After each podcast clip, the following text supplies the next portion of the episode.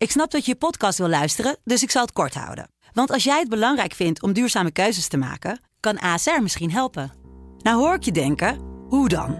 Nou, bijvoorbeeld bij het duurzaam herstellen van schade. Of de premies die we beleggen volgens ons duurzaam beleggingsbeleid. Dat bepaalt waar we wel en juist niet in investeren. Wil je meer weten over welke duurzame keuzes ASR maakt? Ga dan naar asr.nl slash duurzame keuzes. ASR doet het. Zo, dan kan je nu lekker naar je podcast luisteren. Dit is de voetbalpodcast Kick-Off van De Telegraaf. Met chef voetbal Valentijn Driesen en Pim CD. En uiteraard aangeschoven Mike Verwij, Ajax-volger. Zonder eigen jingle. Zonder eigen jingle nog steeds. Maar uh, ja, we gaan er nog steeds over, uh, over nadenken. Dus wie weet uh, komt hij. Maar jongens... Het seizoen is bijna afgelopen. Dus ja, ja of tijd voor Moeten we al die moeite doen dan? Nou ja, wie weet. Maar goed, tijd, jongens, tijd voor een ultimatum. Geen, ik, zeg, we gaan, ik zeg, we gaan het hier niet lang over hebben, want er is zo vreselijk veel te bespreken in deze podcast. We gaan het natuurlijk hebben over de bekerwedstrijden. Maar ja, laten we maar meteen uh, met de deur in huis vallen. Mike, Ajax, hoe heb jij die uh, wedstrijd tegen AZ uh, zitten bekijken? Ja, met een heel dubbel gevoel. AZ speelde natuurlijk uitstekend. Maar ik denk dat het AZ in een topwedstrijd ook zelden zo makkelijk is gemaakt als afgelopen zondag. Want Ajax zette letterlijk de poort open. Ja, Valentijn? Ja, die wedstrijd heb ik ook gezien. Ja, precies zoals Mike. Ja, nee, maar het is natuurlijk schandalig dat, uh, dat er geen spelers zijn geweest. Uh, er lopen ervaren spelers, uh, Deli Blind, Tadic, Ziyech, Onana, zelfs Donny van der Beek. er staat een trainer langs de lijn die de halve finale van de Champions League heeft gecoacht. En niemand doet iets. er gebeurt gewoon helemaal niets. Er gebeurt niets in het veld. Niemand die de ploeg bij de hand neemt. En ook langs het veld gebeurt er ook niets. En er is één wissel. En ja, de, wissels van Erik ten Hag, uh, die getuigen niet uh, van het inzicht van een plan B. Dus ja, dit was echt uh, armoed troef. En ja, dat verwacht je niet bij Ajax met zoveel topspelers. En AZ heeft er maximaal van geprofiteerd. Daarnaast, of uh, verder moeten we niet vergeten dat AZ drie dagen daarvoor gewoon uh, ja, eigenlijk ook kansloos was tegen die Oostenrijkers. Dus het is niet zo moeilijk om AZ te ontregelen. Alleen je moet wel een, een duidelijk plan hebben en iedereen moet zich aan dat plan houden. Ja, en op het moment dat er uh, of geen plan is of, niemand, houdt of niemand houdt zich eraan en er wordt niet ingegrepen, ja, dan krijg je dit. Ja, maar, het was eigenlijk in drie fases. Hè. De eerste helft zie je dat het niet goed gaat bij Ajax. Dan gebeurt er eigenlijk helemaal niks vanaf de bank. Dan volgt er een ingreep in de rust waarbij er om onbegrijpelijke redenen wordt gekozen om Teun Koopmeiners uh, vrij te laten. Nou, die geeft prompt de assist bij de tweede goal. Ja, en er wordt pas in de 82e minuut bij 0-2 gewisseld. Terwijl daarvoor maakt de AZ al 0-2. Die wordt dan nog door de VAR afgekeurd. Maar dan denk ik van ja, je hebt drie wissels tot je, tot je beschikking. Doe iets, probeer iets te veranderen. Maar ja, Ajax werd echt heel rustig naar de slagbank uh, geleid. Wat was eigenlijk het idee om uh, Koopmeiners vrij te laten? Geen idee. Echt geen idee. Nee. Nee, joh. vooral omdat Ajax vorig jaar door een doelpunt van Guus Stil verloor in Alkmaar. En ja, daarbij was, was Koopmeiners ook degene die... Ja, het was bijna een identieke goal. Ja, en je laat in de, in de opbouw... laat je niet een van de beste spelers van, van AZ vrij. Ik, ik vond het wel heel knap van AZ. En zeker omdat ze natuurlijk de drie dagen daarvoor uh, eigenlijk met deze speelstijl uh, zich uh, zelf disqualificeerden. En werden uitgeschakeld in de Europa League. Want Lies zette wel vol druk. En toen ging Koopmeiners in de fout. Eigenlijk een beetje op, uh, in dezelfde positie als waar hij nu uh, terecht kwam. Gaf hij een te korte bal. Nou, toen kwam er een, een, een actie en uh, maakte Idrissi een, een fout waar het een penalty werd gegeven. Maar Koopmeiners die, stond nu weer heel breed naast keeper. En wat, wat, Ajax niet deed en wat Liens wel deed, die, die dekte door die, die Oostenrijkers. Maar dat deed Ziyech niet. En Wijndal die liep weg. Ja, en toen komt er een enorm gat. En wat Mike zegt, de beste opbouw van AZ was continu aan de bal. Ja, wat wil je nog meer? Hmm. He, dat is natuurlijk heerlijk voetballen. En, en Koopmeiners die nam iedere keer uh, de goede beslissingen. Wanneer speelde hij diep? Wanneer speelde hij niet diep? Wanneer kort naar het middenveld? Wanneer kort op, uh, op Bizot? Uh, of eventueel verder door naar Lewin? Lewin bij, bij AZ dachten ze, wat, wat hebben we in godsnaam in huis gehaald? En die blijft gewoon uh, staande in, in de arena tegen Ajax. Dus ik vond dat AZ wel heel gewaagd speelde, heel gedurfd. En daar ook voor beloond is. En dat, ja, blijkbaar heeft Slot dan op dit moment veel meer invloed op zijn spelers dan, dan Ten Hag. Want deze spelers bleven ondanks die uitschakeling gewoon geloven in de spelwijze. En ja, dan, dan heb je inderdaad ja, dan heb je nog invloed op in je groep. Dan, dan, Ja. dan ben je nog de autoriteit die Ja. boven de groep staat. Wa- Wat ook heel gek was, was dat eh Boadu eigenlijk de tweede helft voortdurend één op één stond. Of tegenover Schuurs of tegenover Blind. Ja, het gebeurt Ja. in geen competitie in Europa. Dat, Nee. dat met een bal... of tegen niemand. Ja, dat, dat, ge- hadden dat gisteren op de site eh, een, een foto. En wij zeiden tegen elkaar op de tribune, Mike en ik. En Steven Kooijman, de AZ-watcher. Eh, op een gegeven moment stond uh, Boadu, die stond op de middenstip. En die keek naar de helft van Ajax en er stond helemaal niemand. En die keek naar zijn eigen helft. En dus die zag voor hem, zag die vier verdedigers van Ajax staan. Op meer dan 10 meter. Iedere bal in de diepte zou eh, bingo geweest zijn. Dus de organisatie was echt totaal, eh, totaal weg. Ja, Ja. en dan is natuurlijk toch de vraag, hoe kan dat? Want als je kijkt naar het Ajax van voor de winterstop, toen was de organisatie er vaak wel. Ja, je, Nu vallen er ruimtes achterin, die, die hou je niet voor mogelijk. ja, je hebt de krant voor je liggen. We hebben na afloop met Dusan Tadic gesproken. Overigens wil ik wel even zeggen dat een heleboel Ajax-fans reageerden van... ja, als iemand nou geen recht van spreken heeft, dan is het Dusan Tadic. Want die speelt niet goed. Nou één was Dusan Tadic heel zelfkritisch. En zei ook dat hij niet goed speelde al een hele tijd lang. Dat het allemaal veel beter moet. En ten tweede was Tadic de enige die zijn verantwoordelijkheid nam... om na deze wedstrijd gewoon zijn verhaal te doen bij de schrijvende pers. En de rest, Dele Blind had geen zin, Promes kwam niet opdagen. Dus dat hij geen recht van spreken heeft, dat is misschien waar. Maar hij was wel de enige die zijn verantwoordelijkheid nam Ja. en sprak. Moet Maar- ook misschien als aanvoerder. Ja, ja, precies. Maar Tadic had het over een domino-effect. Dat doordat mensen in het elftal gewoon verzaken, hun simpele opdrachten niet uitvoeren, ja, dan komt de volgende ook een stap te laat en de volgende ook. Ja, en dat zorgt voor heel veel frustratie. Ja, die frustratie was bij uh, Ziyech goed te zien. Waar was hij nou precies boos over? Want hij speelde natuurlijk ook niet goed. Nee, en hij komt terug uit een blessure. En hij is natuurlijk al meerdere keren niet goed geweest eh, de laatste weken. Getafe uit was hij ook echt heel, eh, heel erg matig. En ja, of die frustratie op zichzelf gericht is. was ook een vraag die binnenkwam. Hè? Op wie was de Ja, frustratie van. Ziyech precies gericht? Nou, er was een heel duidelijk moment dat Karel Eiting hem een keer een bal eh, bijna tegen het dak schoot. Op het moment dat hij de bal aan Sier had kunnen, kunnen geven. Ja, vervolgens krijgt Eiting falikant op zijn flikker van Sier. En daarna was Eiting het helemaal kwijt. En die heeft elke bal risicoloos bij Sier ingeleverd. Dus dat was waarschijnlijk ook het, doel van, eh, van Sier. Ja, daar zat frustratie. Maar er zat ook heel veel frustratie bij zijn wissel. Eh, er zat ook frustratie omdat hij een corner wilde nemen. Ja, dat duurde ongeveer twee minuten. En toen wilde hij hem nemen, toen mocht hij alsnog gewisseld worden. Toen ging hij naar de kant. Maar ja, je merkte wel dat Erik ten Hag, die zag het al gebeuren. Die ging maar snel op zijn stoeltje Ja. zitten. Die denkt van, ja, ik wil deze confrontatie met Ziyech niet aangaan. Na afloop op de persconferentie ging het daar ook nog even over. En ten Hag probeerde dat een beetje te sussen. Zo van, ja, we kennen Hakim. We kennen ook zijn reactie bij wissels. En daar moet niet al te zwaar aan getild worden. Maar dat het een probleem is, die onderlinge irritatie.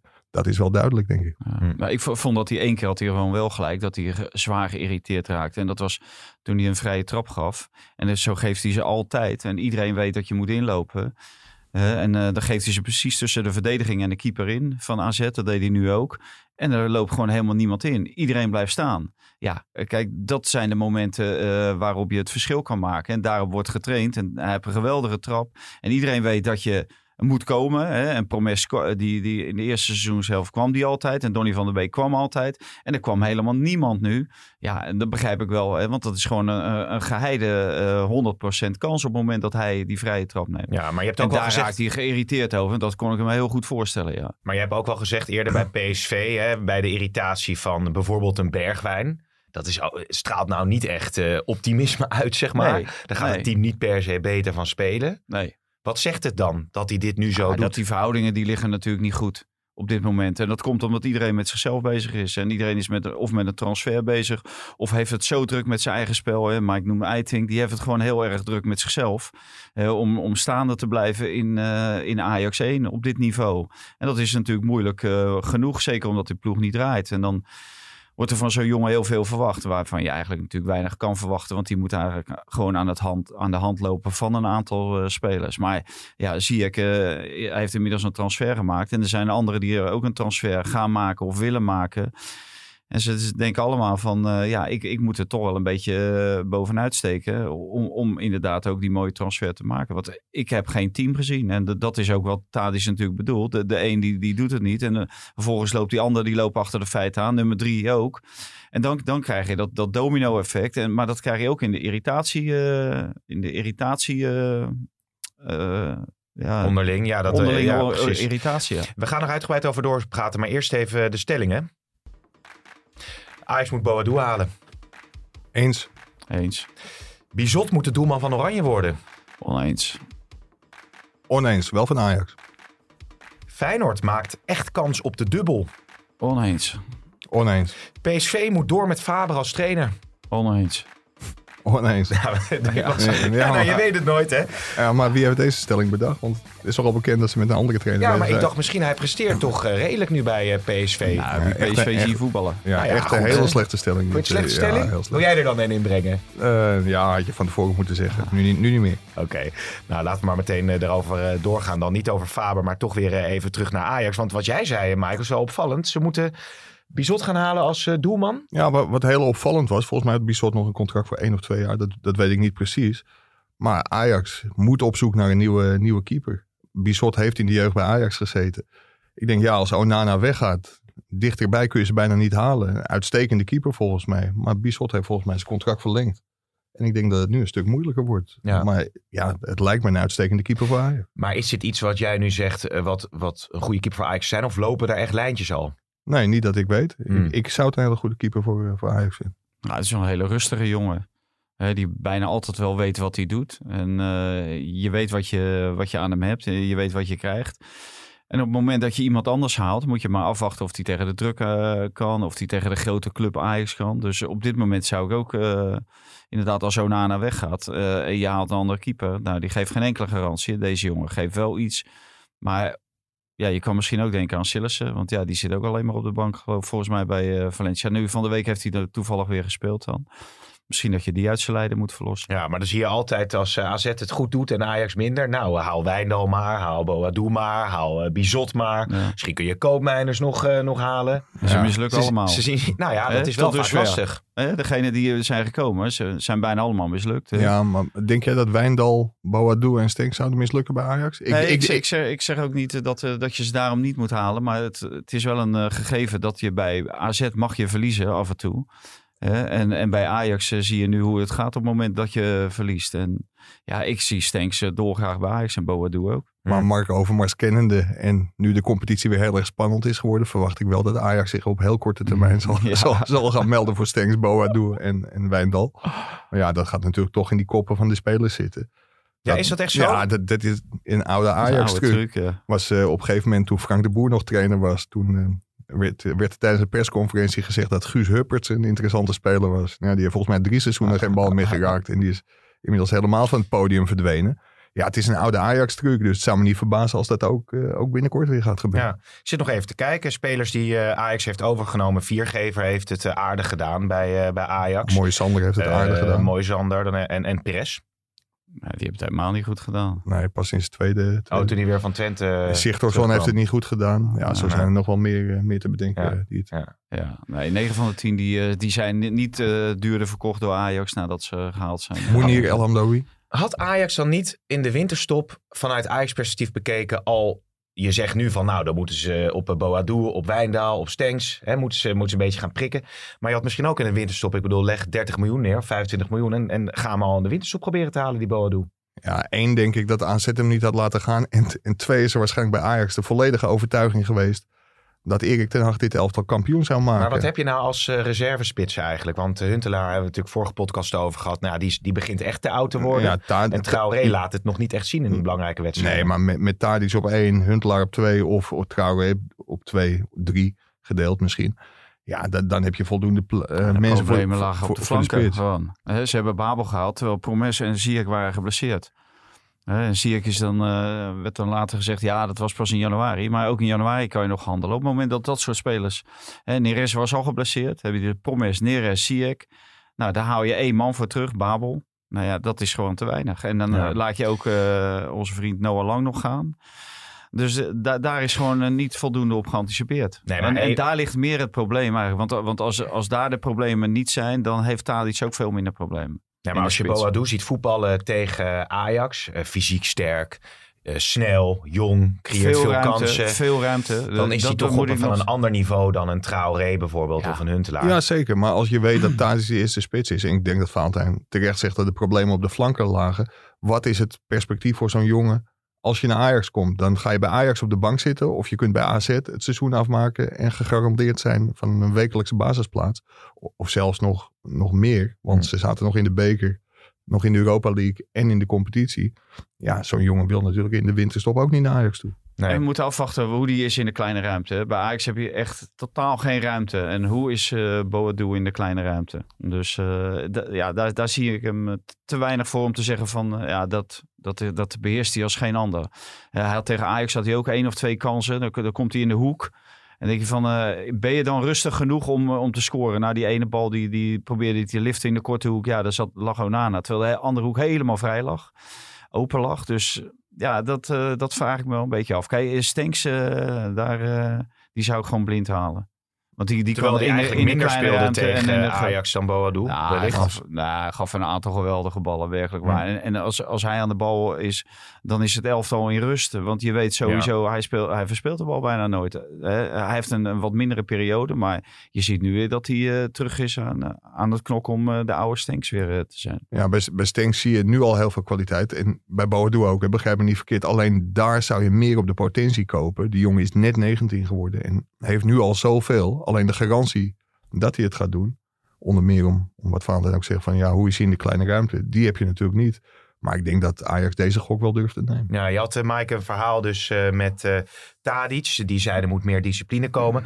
Er wordt natuurlijk veel op gereageerd als uh, Telegraaf Telesport ook de rol van Schreuder aanhaalt. Hè? er wordt altijd gezegd van nou was hij nou wel zo belangrijk. En up, daar komt Telesport weer met, uh, met Schreuder. Ja, en de 6-0 de, de, de 6-0 verloren van Bayern München. Bij Bayern. Ja, dan moet ik wel zeggen dat Chelsea verloor ook gewoon 0-3 van Bayern. Dus dat is best, ja, na, best aardig ploeg. Daar maar... moet je doorheen kijken natuurlijk. Uh, de, de, al, die, al die trainers hebben dit soort uh, wedstrijden. En zeker als je bij een mindere club uh, trainer bent. En, en dan kom je tegen Bayern. Nou, de Bayern, ik heb Bayern tegen, wat Mike zegt, tegen Chelsea. Nou, dat was werkelijk geweldig. Ja, maar hoe belangrijk was hij nou voor Ajax? Want was, er wordt dus gezegd, door jullie ook denk ik, nou, het, het wisselbeleid uh, is niet goed. Nee. Uh, tactisch staat het niet altijd goed. Hè? Nu met koopmijners vrijlaten. Was Schreuder dan echt de man die Ten Hag in zijn oor fluisterde, doe het zo en zo? Ja, mede. mede. Ik denk dat de inbreng van, van Paulsen en Reiziger op dat gebied gewoon veel en veel minder is.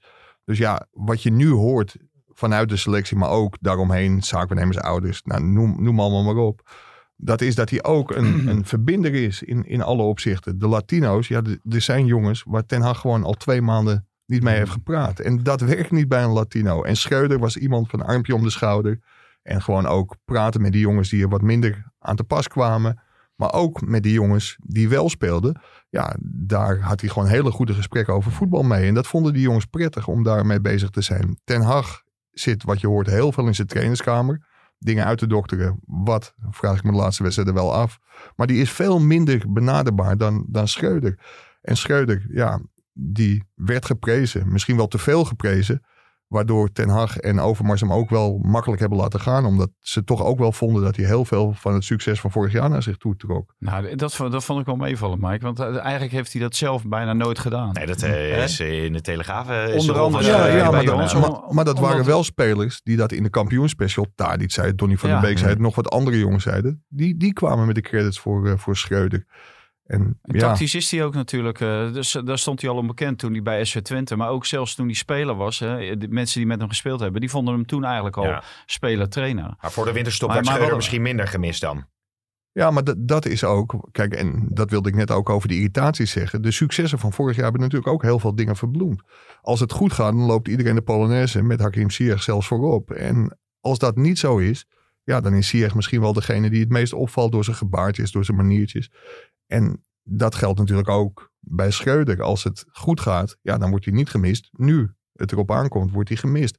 En wat ik heel typerend vond, en Valentijn zit vrijdag bij, bij Veronica en zei denk ik, als je die beelden erbij pakt, na een kwartier spelen bij Benfica Ajax... Nou, nee, ik zou zeggen, neem op als het een belangrijk bericht is. Nee, maar het, het, het is... Oh, ik zie net, het is de interesse in uh, Wijndal, Stenks en Boadu. Ja, maar daar kan ik nog niks over zeggen. Oh, nou ja, goed, dan hebben we het even gemist. Maar wat, wat, je, wat je heel erg zag uh, bij Benfica Ajax na een kwartier, daar kreeg, uh, of Matthijs de Ligt deelde een, een enorme peut aan ja. uit in iemand zijn rug. En er is een moment voor de Ajax-spelers, omdat er een Benfica-speler geblesseerd ligt, om naar de kant te komen. Ja, het was bijna een beetje sneu voor Ten Hag, want er stond zes man denk ik. Nou, je moet het even goed nakijken bij Veronica. Maar er stonden heel veel spelers te overleggen met Schreuder. En Ten Hag stond er eigenlijk een beetje verloren bij. En dat was het verhaal van vorig jaar. En daarom wordt Schreuder nu gemist. Ja, Ten Hag is toch ook wel eh, op de schouders genomen, bij wijze van spreken. Zeker. Later. Ja, ja en dat hebben wij ook omdat- gezegd. ja, omdat hij toen, hè, eh, toen heeft hij uiteindelijk, hè, ze zaten in een doodlopende weg. En uiteindelijk heeft hij dan een rechtsomkeer gemaakt. Hè? En dan kan je eh, vragen, afvragen van, eh, was dat alleen dat gesprek van Tadic of waren er meer zaken die, eh, die hebben gespeeld? Maar in het begin ging het helemaal niet goed met Ajax. Iedereen Nee. die denkt dat nu maar, omdat die slotfase goed was. Maar ik wilde ook nog even iets zeggen over die... ehm, je begon net over Paulsen en Reiziger en dergelijke en Schreuder. Eh, hoe is die eh, verhoudingen dan? Of hoe zijn die verhoudingen? Mhm. Eh, het was heel mooi. Wij, wij zitten op de tribune, op de pestribune bij Ajax. En voor ons zit een rijtje trainers van Ajax. die in contact staan met de bank. Ja. Wij kunnen niet precies horen wat er Wie, wie gezegd zijn wordt. Onder andere Cola Lamy, de keeperstrainer. Oh, Richard Wietje zit daarbij. En wat, wat heel mooi was, was... eh, nou, we zitten eigenlijk iedere grote wedstrijd zitten we er. En eh, hoor je niet veel. Eh, en af en toe hoor je wel eens wat. Maar je hoort niet exact wat er gezegd werd. En nu, afgelopen zondag hoorden we Richard Wietse de eerste helft schreeuwen. Zoals ik hem nog nooit heb horen schreeuwen. En Richard Wietse is echt altijd de rust zelf. En, altijd een beetje afstandelijk is die. Maar die, die zat er vol in. Die, die was gigantisch aan het roepen richting die bank. Dat er dingen fout gingen. Die iedereen zag die fout gingen. En er werd niks gedaan. En dat vond ik wel heel typerend. En dat zou in, met eh, bijvoorbeeld Alfred Schreuder op de bank zou nooit zijn gebeurd. Die zou het direct, eh, wat Wietse zegt, eh, zou die direct oppikken. En bij Ten neerleggen van, Joh, we moeten dit of dat. En Richard ziet dat of dat. Eh, ingrijpen nu. Ja. En, en, en dat gebeurde niet, want er gebeurde helemaal niks. Er was een de reiziger die zit volgens mij met, met zijn oortje met eh Wietse. En die bleef zitten. Ja, en dan denk ik van, Wietse geeft iets aan. Want dat was duidelijk dat, hij, dat er wat fout ging. En dat hij de vinger op de zere plek legde. Maar als ik jou zo hoor, dan is er dus ook onderling in de trainerstaf irritatie. Nou, het- Nou, ik wil niet zeggen dat er irritatie is. Nou ja, want goed, dat, dat is ook het moment als- van de wedstrijd. En de, de, de adrenaline die, die, die giert natuurlijk bij iedereen door de keel. Want daar zijn ze natuurlijk dag en nacht mee bezig. En dan zie je dat er niet gebeurt. Ja, dan word je boos. En eh, ik ben nu ook heel boos op jou. Dus eh, Pim, want, eh, en op Mike, want die telefoon blijft dat maar is- gaan. dat is- dat is- en waar zijn we nou mee bezig? Zijn we nou met de podcast bezig of met een Ja, telefoongesprek? nou ja, nog steeds mag hij opnemen als Ja, het ik belangrijke transfers maar dat wil helemaal niet zeggen dat, dat we... hè, Nee, ga door hoor. dat er irritatie is in is hij de- nou, jongens? Op de sportredactie. Van mij. Oh, is van jou. Oké. Maar ga door. Ja, verder. duidelijk. Nee, er zijn geen irritaties op de sportredactie. eh, Ja, verder. maar, maar dan weten ze in ieder geval dat we goed met ons vak bezig zijn. Ja. Dat we af en toe een telefoontje Hij blijft krijgen. gaan, joh. Ja, maar die spelers blijven bellen. Dat is echt niet normaal. Ja. Hey, maar eventjes, ehm, want dat is natuurlijk nu wel de grote vraag. Wat moet er gebeuren voor Ajax eh, tegen Utrecht? Ten Hag, ehm, ja, moet hij het seizoen afmaken? Ja, dat lijkt, dat lijkt me wel. Ja? Het was geen stelling. Nou ja. ik, ik, ik had wel een stelling verwacht. Hij haalt Ten Hag eh, het einde van het seizoen. Ja, maar ja, dat maar is... dat, dat haalt hij, eh, Pim. Normaal, Ja? ge- ja, normaal gesproken wel. Hij heeft natuurlijk gigantisch veel krediet opgebouwd... door de halve finale plaats van de Champions League en de dubbel vorig jaar. En bovendien hebben Overmars en Ten Hag zich aan elkaar gecommitteerd. Overmars zou niet weggaan voordat het contract van Ten Hag eh, wa- was afgelopen... of dat Ten Hag weg zou zijn bij, bij Ajax. Dus ja, er kan natuurlijk heel veel druk op komen als Ajax niet bij Utrecht wint. Maar normaal gesproken staat de, de, eh, de positie van Ten, Hag niet ter discussie. Het is ook tegelijkertijd zijn erfenis, die Champions League, die halve finale van de Champions League. Want alles wordt gerelateerd daaraan. En, en niemand, en eh, bij Ajax zelf ook niet, niemand neemt dat hele voortraject eigenlijk mee. Eh, daarin, hè? wat er bij PSV is gebeurd vorig jaar uit met eh Frenkie de Jong nog eh, centraal achterin en Frenkie de Jong in de aanval. En dat Ten Hag aanvankelijk helemaal niet zag zitten met de, de Jong op het middenveld. De resultaten waren, waren slecht. Dus ook thuiswedstrijden na, na de winter. Hè, in 2019, alle thuiswedstrijden waren echt niet allemaal. nou, in ieder geval qua resultaat allemaal niet goed. Hè. Verloren van Real Madrid, verloren van Tottenham Hotspur, gelijk tegen Juventus, verloren van Chelsea. Verloren van Valencia. Dus, dus het is allemaal niet eh roze geur en maneschijn geweest. Alleen die, die plaats in die halve finale van de Champions League. Ja, Ja, die heeft natuurlijk veel verbloemd. En En die is nu tegelijkertijd- natuurlijk eh een aantal van die uitwedstrijden waren geweldig. Met Real Madrid voorop natuurlijk. Ja, ja. Dus, eh, maar, maar ja, dat werkt nu een beetje als een boemerang Maar, natuurlijk. maar, maar stel nou, eh, Mike, dat je wel van, van Utrecht verliest en dat je weer die irritaties krijgt zoals bij Ziyech. En dat eh Vaanten had het erover, er zulke gigantische ruimtes vallen, de organisatie niet goed staat. Dan kun je toch niet als Ajax zegt, want dat is ook een vraag die er binnenkwam. Hè? Kan de salarishuishouding eigenlijk wel doorgaan op het moment dat je je niet uh, kwalificeert voor de Champions League? Nee, dan wordt het moeilijk. Dan wordt het moeilijker natuurlijk. Dan, dan moet je misschien een pas op de plaats maken. Ja, maar ja, het, het, ze zullen toch wel bij de eerste twee eindigen. Ja, oké. Ja, en, en, bovendien, als het één jaar geen Champions League zou zijn, dat zou overigens met deze selectie wel een schande zijn, maar dat terzijde, dan denk ik dat Ajax nog wel één jaar op deze manier door kan, omdat er worden zoveel spelers verkocht normaal gesproken komende zomer en er komen zoveel miljoenen binnen, dat dat wel een jaartje uit te zingen is. Maar dit moet natuurlijk niet te lang duren. Nee. En terugkomend, volgens mij wilde je vragen van, als je verliest bij Utrecht, wat, wat, gaat er dan beslist worden? Ja, Overmars is niet de enige die, eh, die beslist. Die heeft natuurlijk ook met commissarissen te maken. Met andere directieleden te maken. Dan is hij wel de directeur voetbalzaken. Dus in principe zal zijn stem heel zwaar wegen.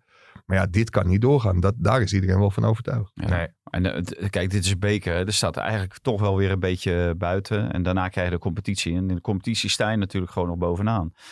Kijk, uh, erger wordt het als je dadelijk bij Heerenveen ook uh, onderuit maar, vliegt. Maar ik hou even de krant er nog bij. Ik geloof dat Tadic zei dat alleen RKC in de laatste tien competitie er wel eens vaak heeft gewonnen. Ja, jij zal die statistiek gecheckt ja, hebben. Ja, dat hebben wij hem voorgelegd. Heer, Heerenveen die heeft nu pas afgelopen zondag ook de, of zaterdag de eerste wedstrijd uh, in 2020 gewonnen. Dus ja, hè, Nee. Dus, echt weer de lammen tegen de blinden is het ja, ja, maar, Na zulke wedstrijden zie je heel veel statistieken voorbij vliegen. En soms zijn, zijn ze wat ver gezocht. Maar dat Ajax de slechtste start van een kalenderjaar sinds 2009 heeft. Ja, dat is met alle tientallen miljoenen die geïnvesteerd zijn. En met deze selectie natuurlijk wel een schande. Ja, ja. En ze hebben wel geluk dat ze tegen Utrecht spelen. Want die bakken er natuurlijk ook helemaal niks van. Daar, ja, Utrecht is natuurlijk mes tussen de tanden. In de ja, domstad maken ze zich op voor de ultieme wie heeft het mes uh, tussen zijn tanden bij, bij Utrecht? Als je ze ziet spelen tegen RKC. leek echt helemaal nergens op. En kijk, wat, wat Ten Hag heeft, dat heeft Van der Bron precies hetzelfde. Dan vraag je ook af, waar zijn die mee bezig? Die hebben zo verschrikkelijk veel goede spelers. Zo uh, goed materiaal. En die verliezen gewoon twee keer van RKC. En ook het voetbal bij, uh, bij Utrecht uh, ziet er af en toe gewoon niet uit. Terwijl ze echt hele mooie spelers hebben. Een week daarvoor tegen SC Twente ontsnappen ze in de slotfase. Ja, dat klopt. Ja, dan, dan denk je ook van... Ja, uh, het is echt uh, de lammen tegen de blinden weer. Hey, die, die blijven we. Ja, nee, ik, ik, ik, moest van de week wel even denken aan. Uh, volgens mij was jij daar ook bij, van. En er is ooit een keer eerder, een paar jaar geleden, een bekerwedstrijd ja. in Utrecht geweest. Stond een of andere maffe DJ ja, daar op het veld met keiharde herrie. En nou, die sfeer werd opgepompt. En toen stond Ajax binnen de kortste keer op 0-3. Ja. En liepen ze met een hele makkelijke, de makkelijkste ooit denk ik in Utrecht weg. Dus ik denk dat Utrecht de sfeer niet al te veel moet oppompen. Nee, nee. Het was mooi ook dat eh, eh, Ajax TV eh, bracht die wedstrijd ook in de aanloop naar deze wedstrijd. Om in ieder geval de eigen ploeg een beetje een ruggensteuntje te geven. Ja, ik kan Utrecht-Ajax 6-4. Ja, herinneren? Met een hoofdgoal van Kenneth Vermeer, die kan ik me ook nog herinneren. Ja. Negatieve hoofdgoal. Maar er was geen bekerwedstrijd. Hè? Nee, er was geen bekerwedstrijd. Eh. We, hebben het over een bekerwedstrijd. Nee, dus jullie verwachten allebei dat Ajax eh, de finale van de beker gaat halen? Nou ja, dat zeg jij nu, maar... Valentijn verwacht dat. Ik denk het wel, ja. ik nou, denk dat het Ajax, dan, eh, dan de, de, podcastluisteraars helemaal onder de tafel kruipen als ze veel van Ajax zijn. nou, ja, ik, ik, ik denk het ook, maar ik ben gezien de afgelopen wedstrijden niet heel erg van overtuigd. Nee. Ik wil nog één ding bij Ajax aanhalen. Dan gaan we ook nog andere zaken bespreken. Dat is toch wel relevant, want uh, maandag stond er in de krant een kadertje over Alvarez dat in de winterstop Ajax nog een transfer tegen heeft gehouden. En dat hij nu toch op weg naar de uitgang is. Dat, het is je hebt het natuurlijk wel over Mexicaans International. Die aardig wat moeite heeft gekost om binnen te halen. Ja, klopt. En ik denk, als je ziet. Het is niet alleen Mexicaans International. Volgens mij heeft hij inmiddels ook 37 in het land gespeeld. Dus het is ook nog een ervaren Mexicaans International. Kon op twee plaatsen spelen. Ja, hij is uh, geloof ik de zevende centrale verdediger op dit moment. En de dertiende middenvelder. Bij ja, Ajax, hè? Bij Mexico uh, en basis gewoon, achterin of basis middenveld. Ja, ja, zeg maar hoe Ajax nu voetbalt, denk ik dat deze jongen altijd een kans verdient. En misschien ook een keer een aantal wedstrijden achter elkaar. Want bij Getafe uit deed hij het volgens mij niet zo heel slecht. Schuurs was toen niet helemaal fit of geblesseerd. En kreeg daarna gewoon weer drie wedstrijden de kans. Ja, en dat is ook niet om over naar huis te schrijven. En als je het nou over Latino's hebt die niet lekker in hun vel zitten. Hij kan zijn vrouw niet zien, zijn kind niet zien. Ja, en als de trainer dan niet of nauwelijks met je praat en helemaal geen kansen geeft. Dan zou ik ook heel snel uit die arena weg willen rennen, denk ik. Ja. Aan de andere kant zou je dus ook kunnen zeggen dat mocht Ten Hag wel weggaan in de zomer, dan moet je hem eigenlijk gewoon houden. Want het blijft een speler die wel een waarde kan hebben voor dat, Ajax. dat, dat zeg ik niet. Ik denk als je hem kunt verkopen. Want ik vind het wel heel opvallend dat clubs als Tottenham, ook LA Galaxy. En ik begreep dat er nu nog meer belangstelling voor hem is. Zelfs uit de Premier League. En ook niet de minste clubs. Ja, als die belangstelling komt, dan zou ik als Ajax wel eigen voor mijn geld kiezen en hem verkopen. Want of deze jongen het echt gaat doen bij Ajax, weet ik niet. Maar op dit moment denk ik dat hij wel bruikbaar, eh, bruikbaar is. Mag ik nog wat zeggen? Oh ja, ik, ik wilde, ik wilde een bumpertje doen. Weet je wat doen Nou we ja, toch twee, tegenwoordig? Twee dingen. Kijk, je we wil, je wilt toch niet heel hebben veel- over dat het We hebben aanstellerij heel- is hè, nee. over zijn vrouw. Want ik Ja, zag lachen. ja. ja. Ja, dat, Hij ik, schijnt- ik, sommige-. Ik Hij schijnt wel af en toe een cadeautje te komen voor mannen willen, gewoon heel ik graag een vrouw zien, Valentijn. ja, ik, moest echt, het. moet echt een snik onderdrukken toen. Mike dit hele Wat wij zeggen, we verhaal. gaan gewoon door, want er is zoveel het, te eh, we hebben natuurlijk veel over Ajax, maar we hebben het ook veel over PSV gehad toen, omdat de Ajax natuurlijk in de crisis zit. Hè, vandaar. Maar ehm, ja, dat eh, onze grote vriend Tagliafico morgen op het veld staat, dat is natuurlijk wel schandalig. En wil ik ook nog even die overtreding van eh, Steven Berghuis op Koopmeiners bij Feyenoord eh, AZ in herinnering roepen. Drie dagen later maakt Berghuis volgens mij de winnende tegen FC Twente. En de- deze Tagliafico had natuurlijk nooit op het veld mogen staan. En vorige week heeft Mike een verhaal gemaakt over eh, de twee VARs bij PSV Feyenoord en bij eh, Ajax AZ. Hè, dat dat lichtgewichten waren. En Mario van der Ende, de oud topscheidsrechter, eh beaamde dat ook. En die deed ook nog een flinke duit in het zakje. En deze Clay Rupetti, die dus bij, eh, AZ, of bij Ajax AZ zat. Heet die Klee? Clay Ja, Rupetti. Clay, Clay. Clay. Oké. Ja, uit de Hij Clay. heeft Clay getrokken. Ja, ja. Maar eh, dat, eh, die, die eh Tagliafico had natuurlijk nooit mogen spelen. Hij had gewoon aan de bel moeten trekken. Guzebuyuk die ziet weer iets niet van Ajax. Hè. Hij zal wel meer dingen van Ajax niet die avond. En dan vervolgens gebeurt dit. Nou, dat vind ik echt wel heel kwalijk. Een hele kwalijke zaak dat dat kan gebeuren. En dat geeft weer aan dat de KNVB gewoon volwassen scheidsrechters... en ook Björn Kuipers, want Björn Kuipers is volgens mij de baas... en niet Dick van Egmond... En, en ook de, de leiding van de KNVB laat het allemaal gebeuren. Erik Guddes en de, de Nico-Jan Hoogmaas. De mensen van het topvoetbal. Die laten gewoon gebeuren dat uh, Björn Kuipers gewoon thuis lekker kan zitten. Achterover kan leunen. Die had gewoon in Zeist moeten zitten achter dat scherm. Ja. Ja, het, het punt is, en de KNVB roept dan, en die reactie kon je uittekenen, van uh, ja, Ruperti, die, doet- die doet het heel erg goed. Dat is een van onze beste videoscheidsrechters. Nou, hij is zo goed dat hij internationaal niet met Kuipers of Makkeli mee mag. Laten we dat voorop stellen.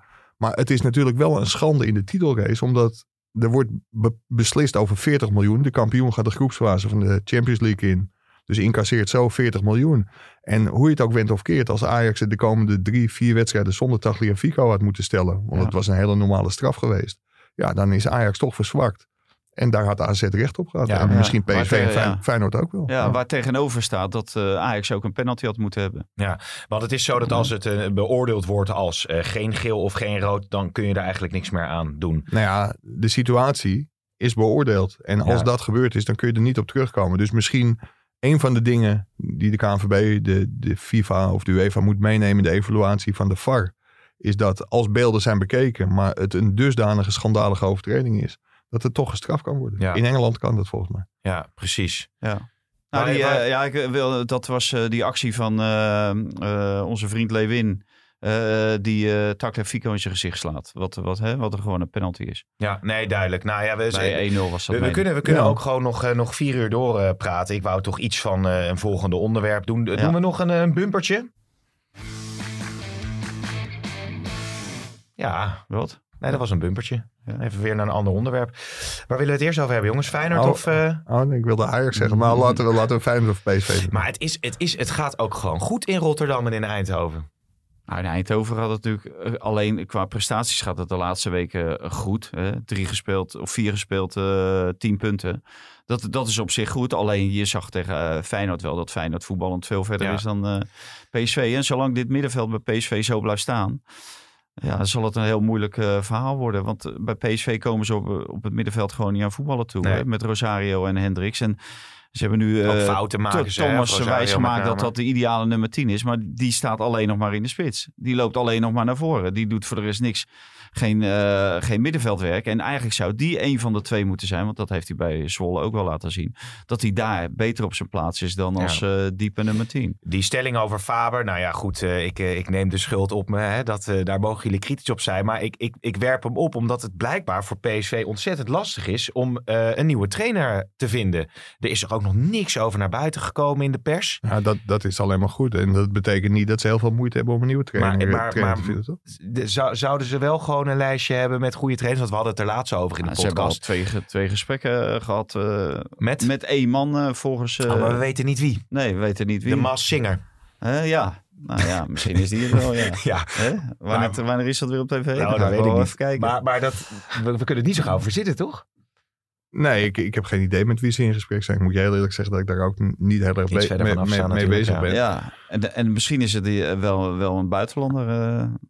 Ja. In, in Nederland eh, ja, zijn er niet zoveel smaken. Er zijn niet zoveel eh, trainers eh, waarvan je denkt van, nou, die kunnen PSV wel eh, bij de hand nemen. Kijk, ik, ik vind Slot vind ik op zich zou ik een goede keuze, maar die heeft gezegd dat hij niet benaderd is eh, door PSV. Nee. Dat daar geen contacten zijn.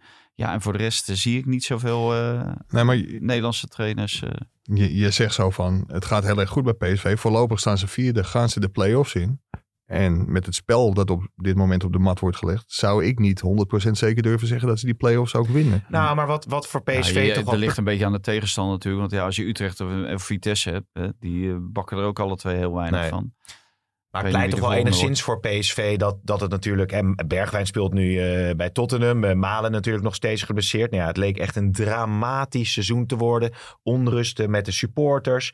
Het, het, het, het, het, nou ja, het kabbelt nu. Ja, er kwam weer een, ja. weer een statistiekje voorbij. Dat, nog- toch nog even Ajax. Als Ajax zeg maar, de inhaalwedstrijd bij Utrecht verliest, dan hebben ze dit seizoen meer verloren dan PSV. En dat kun je je eigenlijk niet voorstellen als je weet hoe PSV in de brand heeft gestaan. Ja, precies. Ja. Maar het kabbelt, het kabbelt ja. En, Lammers, eh, gaat hij uiteindelijk de vaste spits worden ik van vond PSV? die discussies wel mooi. Van, eh, Met Van eh, Hooijdonk, hè? Met Van Hooydonk en Van der Vaart en zo. En ik, ik, ik zie ook wel bepaalde potentie. Ik heb een geweldige wedstrijd zien spelen. eh Heerenveen, of Ajax Heerenveen vorig jaar in januari. Toen was hij echt verschrikkelijk goed. Hij is daarna heel zwaar geblesseerd. Dus ja, ik zou hem wel wat eh, tijd willen gunnen. Ik vond ook dat hij verschrikkelijk slordig speelde tegen Feyenoord. En, eh, en daardoor ook eh, eigenlijk wel een dissonant was. Ja, ja. Maar het, het is wel, hij heeft wel iets, eh, er zit wel een bepaalde potentie, zie je eraan af. Nou, dat wordt dan in ieder geval vervolgd. Maar we moeten natuurlijk ook over Feyenoord en NAC hebben. Want NAC is toch de reuzendoder. Ja, Hè? PSV uitgeschakeld, AZ uitgeschakeld. ja. Gaan Nou, die een is- stuntje wegzetten in de Kuip? Ja, er is, er is één, eh, één zaak die eigenlijk in het nadeel spreekt van NAC. Is dat die Peter Hiballa er nog zit. Oh. Want ja, die, eh, de eerste eh eredivisieclub die ze uitschakelde, Emma, dat was met Ruud Brood. De tweede was PSV met Willem Wijs. De derde AZ met Peter Hiballa. Ja, en als je dan eh, statistieken en eh, Ja. ideeën naar voren haalt... dan zou er nu in feite wel een andere trainer moeten Maurice, zitten. Maurice de Hond eh, zit hier. eh, Ja, dus, eh, Maar kan het? dus statistisch gezien eh, Nee. kan het niet. Maar normaal gesproken pakt Feyenoord toch gewoon eh, de finale plaats in de Kuip. Ja, normaal gesproken wel. En dan, als Ajax wint in Utrecht, dan eh, heeft de KVB een aardig hoofdpijn zo'n dossiertje, denk ik. Ja, maar ze hebben nu al eh, de verzekering van Abu Talib dat eh, Ajax-fans welkom zijn. Ja. Alleen de, mate eh, waarin, hè, dus met hoeveel ze mogen komen, dat, dat zal de grote vraag zijn natuurlijk. Ja. Kijk, als je er 500 mag komen, ja, dan kan je de hele grote jongen uithangen als burgemeester zijnde. Maar het, ga- het gaat er natuurlijk om dat eh, het evenredig verdeeld is tussen Feyenoord en Ajax supporters. En of dat gaat gebeuren, ja, dat heeft eh Abu Talib er niet bij gezegd. Nee, Nee, dat- want no- dat- normaal gesproken is het een, een deel, zeg maar, neutrale fans. En dan de rest 50-50 verdeeld tussen, eh, ja. tussen de twee finalisten. Ja, ik denk niet dat dat gaat gebeuren. Nee, Nee. wa- wa- wat er eigenlijk zou moeten gebeuren, zou eh, het hele stadion 50-50 verkopen Ajax-Feyenoord. Hè, want waar de meeste problemen ontstaan, dat is, zijn in die neutrale vakken. ja, daar lopen ze over, hè? Bijna Daar lopen ze over. Nou, plus dat eh, daar zijn heel veel mensen die kaarten krijgen. Hè, want die, die horen bij sponsors van, eh, van Feyenoord of van eh, de KVB. eh, of dat zijn eh, vrijwilligers van de KVB. Nou, die verkopen hun kaarten via internet. En of die verkopen ze onderhands of wat dan ook. Die komen in handen van de, van de verkeerde mensen. En dan krijg je vaak het gesodemieten. Want binnen die vakken, en dat zie je eigenlijk ieder jaar bij de bekerfinale. Uh, de, de, grote, de grote kant van uh, bijvoorbeeld afgelopen jaar Willem II en de grote kant van Ajax. Daar is bijna nooit wat aan de hand. Nee. Het gaat altijd uh, tussen die neutrale vakken en, en de rand van, van zo'n supportersvak. Ja, maar goed, dan moet je wel een soort bufferzone hebben. Ja, want ook maar dat, maar dat is heel makkelijk, dat is heel makkelijk te doen. Zo'n Ja. bufferzone is makkelijk te realiseren. Mag ik eens in mijn glazen bol kijken of niet? Zeker. Ik denk dat Ajax het uitvak krijgt. Feyenoord de rest van het stadion. Dat Ajax zo gepikeerd is dat ze die kaarten weigeren. Dus dat er alleen Feyenoord supporters zitten. dit is, Ja. dit- Nou zo. ja, dat, dat zou... Dat zou Als eh, maar jij, jij gaat er dus nu vanuit dat Ajax die bekerfinale eh, gaat halen. Ja, je hebt me net overtuigd. Oh Eh, ja, precies. Ja, Maar dat- dat- zou wel een hele kwalijke ontwikkeling zijn als, als Ajax, eh, de Ajax-directie op dat standpunt staat. Want de Ajax-directie roept heel tijd van wij willen terug naar Den Haag, wij willen terug naar Rotterdam. Hè? Edwin van der Sar voorop en dat doet hij natuurlijk voor zijn, voor zijn fans. En misschien eh, komt dat ook wel diep uit zijn hart, hè? want dat heeft hij ook wel een keer eerder eh, verklaard dat dat echt geen eh verkooppraatje is. Maar iedere, iedere opening die er geboden wordt, eh, die moet je aanpakken met twee handen om te bewijzen van eh, het kan wel. We kunnen wel op bezoek bij, eh, bij Feyenoord. We kunnen wel op bezoek bij Hmm. ADO. En dan kan je een statement maken naar volgend jaar toe, naar de competitiewedstrijden. Kijk, en daarom zou ik het wel heel kortzichtig vinden als Ajax inderdaad eh, eh, eist dat er evenveel Feyenoord supporters als Ajax supporters eh, zouden En tegelijkertijd heeft de Ajax nog vaak genoeg problemen met supporters in uitstadions. Hè? Met name Europees. Natuurlijk de aansteker in eh, Getafe die we hebben gehad. Ze hebben nodige Ja, boetes was aan een broek gehad. moordaanslag. Het, wa- het was oliedom hoor, om die aansteker te gooien. Maar dat, eh, dat was natuurlijk wel een overtrokken reactie van de speler ook. Ja. Maar het, het klopt. Ook in de steden zie je wel dingen dat je denkt van ja, weet je, gedraag je nou eens. Want dan krijg je veel meer respect en goodwill bij de clubs die je ontvangen. En dan wordt het waarschijnlijk voor de fans ook allemaal een stukje makkelijker. Ik ga dat voor de volgende keer eens eh, erbij halen nog, eh, Valentijn. Een oude uitspraak van jou over eh, Feyenoord. Ja. Want we hebben hier Oh, gezeten wij. dat ik bijna de slappe lach kreeg. volgens mij zo negatief was jij over Feyenoord. Dat ik dacht, jezus jongen, dat kan bijna niet. Maar nu is het gewoon een hele stabiele club geworden. Ja, stabiel, ze, maar... eh, advocaat blijft waarschijnlijk. Nou ja, Arnissen op zoek naar de nieuwe Kukju staat er dan in eh, Telesport. Op zoek naar andere stabiliteit, talenten. dat, dat helpt natuurlijk wel. Een dik advocaat heeft geholpen. En de fitheid van de spelers eh, heeft geholpen. Maar voorlopig staan ze eh, derde. Hebben een goede reeks achter, eh, eh, achter hun naam staan. Maar ik vond dat er tegen PSV veel meer in zat. En Ja. dat- ik vond ze ook eindelijk goed spelen. Maar het zelfbewustzijn om in de slotfase het door te hebben dat PSV op apengapen ligt. Hè, en dat eh, de ene na de andere die, die kreeg last van kramp. Ja, dan moet je het doorpakken. en dat de- de- deden ze niet. En na afloop was iedereen dan nog tevreden. En dan zeggen ze ja, 1-1, dat teken je vooraf voor. Maar je moet achteraf voor 1-1 tekenen. En dan mag je niet voor 1-1 tekenen. En Nee. dat, dat verbaasde me ook wel hoor. Want je merkte heel duidelijk dat ze ook bezig waren met die tweede plek. En misschien wel PSV achter zich te houden. Maar als Feyenoord had gewonnen, ja, dan hadden ze echt wel weer meegedaan in die Ja. titelrace. Dan zou het Ja. vier punten zijn volgens mij. Ja, alleen op linksbuiten eh, is Haps de man die het eh, nu moet doen. Wat misschien tegen PSV verstandig is als je Dumfries tegenover je hebt. Maar je mist misschien wel gewoon een eh, speler met aanvallende potentie op linksbuiten tegen de mindere clubs in de eredivisie. Ja, het, het, het zijn keuzes, moeilijke keuzes kennelijk voor, voor de clubleiding. Gaat nu ook het gerucht dat, dat Klaas-Jan Huntelaar in beeld is om Jozef Martinez op de, die is geblesseerd geraakt bij Atlanta United van Frank de Boer. Ja, moet je zo'n jongen laten gaan in een titelrace? Nee, zou ik zeggen. Ik denk ook dat Overmars dat gaat zeggen. Maar het zijn wel dingen, zoals Sam Larsson. Ja, waarom verkoop je die voor 5 miljoen? Nou, ze hebben het geld nodig, denk ik. Ja, nou ja, dat is bij Ajax niet het geval. Maar het zijn wel hele moeilijke keuzes. En ik, ik denk dat je Sam Larsson, als je toch nog in die titelrace komt... en misschien wel op weg naar de bekerfinale heel goed had kunnen gebruiken. Ja. Nou, ik vind Lassan eh, vind ik echt eh, geweldig dat je die voor dat geld kan verkopen. Want deze man heeft nog nooit thuis gegeven. En, en Mike zegt, eh, je kan hem gebruiken in de titelrace. Ja, maar dan moet je de wedstrijd met 3-0 voor staan. Want dat is het enige moment dat hij thuis geeft. Hij geeft gewoon nooit thuis bij 0-0 of bij 1-0 achter. En trekt altijd zijn poot terug.